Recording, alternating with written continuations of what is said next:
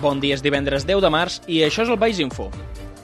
Valls Info, el daily informatiu de Ràdio Ciutat de Valls, la ràdio per internet de la capital de l'Alt Camp. Avui destaquem que la cantant veienca Mariona Escoda guanya el Premi Underdog com a artista revelació de l'any 2022 per votació popular. Aquesta és la primera ocasió que un artista de l'Alt Camp aconsegueix aquest guardó. Per altra banda, el duet veienc Figa Flaues, que el passat novembre aconseguien guanyar el concurs de música Sona Nou, s'han quedat a les portes del guardó en la mateixa categoria que Escoda.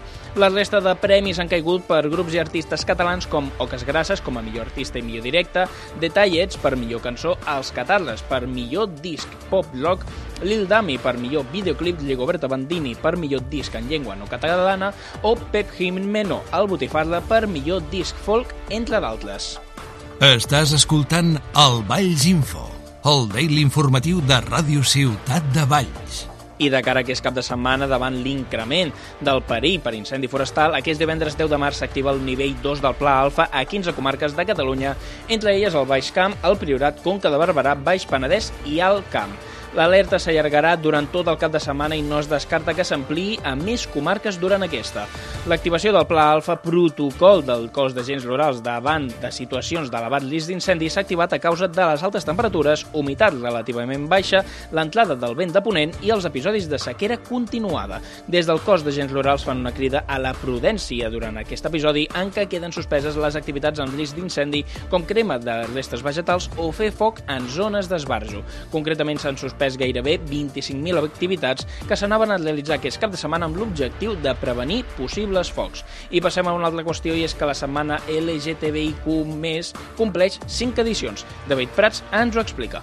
Valls celebrarà per cinquena vegada una setmana d'activitats dedicada al col·lectiu LGBTIC, impulsada per Orgull Vallenc, Llúmol Audiovisuals i el Casal Popular La Turba. L'edició d'enguany tindrà lloc del 24 de març a l'1 d'abril. La setmana segueix treballant en diverses línies i intenta mantenir la diversitat de formats i de propostes i representar totes les realitats del col·lectiu LGBTIC. El tret de sortida el donarà la projecció al JCA Cinemes de Valls de la pel·lícula L'amiga de mi amiga, que es podrà veure durant tota la setmana. Al llarg dels nou dies hi haurà xerrades, presentacions de llibres, concerts i fins i tot una tarda de jocs de taula relacionada amb la temàtica. Un dels membres d'Orgull Vallenc, Jordi Robert, destaca la consolidació de la setmana LGBTIC i avança que tenen previstes més activitats de cara a aquest 2023. Des dels membres d'Orgull Vallenc el que volem intentar també enguany, a part de, de...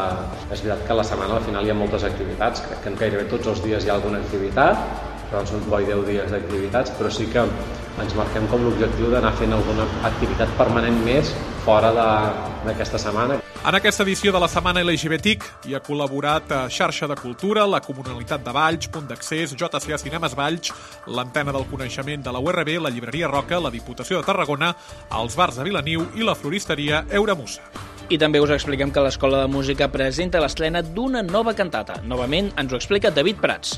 L'Escola Municipal de Música Robert Gerard presenta la dotzena edició de la cantata que tindrà lloc diumenge 26 de març a dos quarts d'una del migdia al Centre Cultural Municipal de Valls. El concert aplegarà un cort infantil amb més de 150 alumnes del centre d'entre 4 i 7 anys i estaran acompanyats per un petit grup de cambra d'alumnes adolescents. La cantata que es presenta en aquesta ocasió és l'estrena del llop, l'ànec i el ratolí, de Rosabel Bufarull, a partir del conte de Bach Barnett. Aquesta cantata estava prevista d'estrenar just quan va esclatar la pandèmia i se n'ha posposat la seva estrena fins a dia d'avui. D'aquesta manera el projecte es manté tal i com es va crear ara fa 12 anys i que s'ha consolidat al llarg dels anys un procés importantíssim del treball del dia a dia a l'aula amb les cançons pensades per a nens molt petits, on el joc és constant i la dinàmica de treball és molt àgil i una posada en escena dalt de l'escenari, aprenent el que significa oferir un concert davant d'un públic sempre entregat. L'alumnat estarà acompanyat al piano per Rosabel Bufarull, que és també l'autora de les lletres i la música de les cançons que sonaran. La direcció musical anirà a càrrec del professor Paul Berlinches.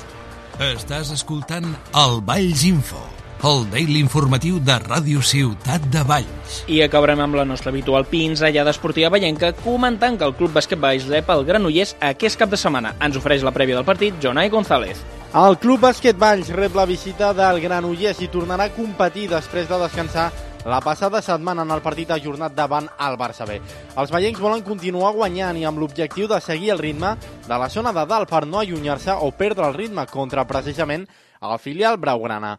Els veiencs reben un gran ullers que suma quatre derrotes consecutives contra rivals de la zona mitja i baixa de la taula. Els de Granollers no han pogut superar el Cessa ni el Roser i tampoc han guanyat a dos equips que lluiten per allunyar-se de la zona de descens, com són l'Olivar i l'Esparreguera. El duel entre el Club Bàsquet i el Granollers es disputarà dissabte a partir de les 6 de la tarda al pavelló Joana Ballar de Valls, amb Carles Oms com a principal amenaça. El Valls de Víctor Neila té clar que no pot desperdiciar cap bala més d'aquí a final de temporada si vol estar a la fase de sense plata i superar el Barça B a la classificació de la conferència C2. I per altra banda, la Unió Esportiva Valls s'enfronta al Sarrià. Adrià Tella ens ofereix la prèvia del partit. Unió Esportiva Valls i Radis mantenen ferm el pols al capdavant del grup 3 de la primera catalana. Amb dos conjunts arriben igualats una jornada més, després de no fallar en els últims duels a casa. Han anat calcant resultats al llarg de les darreres jornades, deixant-se només algun empat puntual a domicili, i això és precisament el que els tocarà evitar aquest cap de setmana, sabent que aquestes petites ensopegades poden acabar decidint la primera plaça.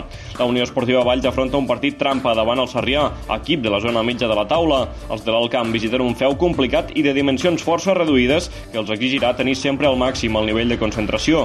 Manel Cazorla, tècnic ballenc, en parla. Una visita complicada, eh? una visita que, que visitem un camp de dimensions reduïdes, on, on ens exigiran moltíssim, eh, que no hem de fer cas a la classificació perquè cada partit és un món, cada partit eh, l'has de competir al 100% i has de treure la millor versió afrontem el partit amb les millors garanties i amb una i amb un estat anímic eh, brutal per tota la dinàmica que apuntem, però que volem seguir amb aquesta dinàmica. L'equip tindrà la sensible baixa d'Aitor Serrano per sanció. El partit es disputarà aquest dissabte a les 6 de la tarda al camp de futbol Club Mailand. El triomf seria clau per posar pressió a un Redis que té una sortida delicada al camp de l'Atlètic Sant Just. I fins aquí el Baix Info d'avui divendres 10 de març. Recordem que podeu escoltar tota la nostra oferta de programes i podcast al nostre web baix.laciutat.com i seguir-nos a través de les nostres xarxes socials.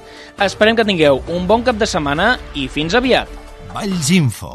Disponible cada dia de dilluns a divendres a Ràdio Ciutat de Valls.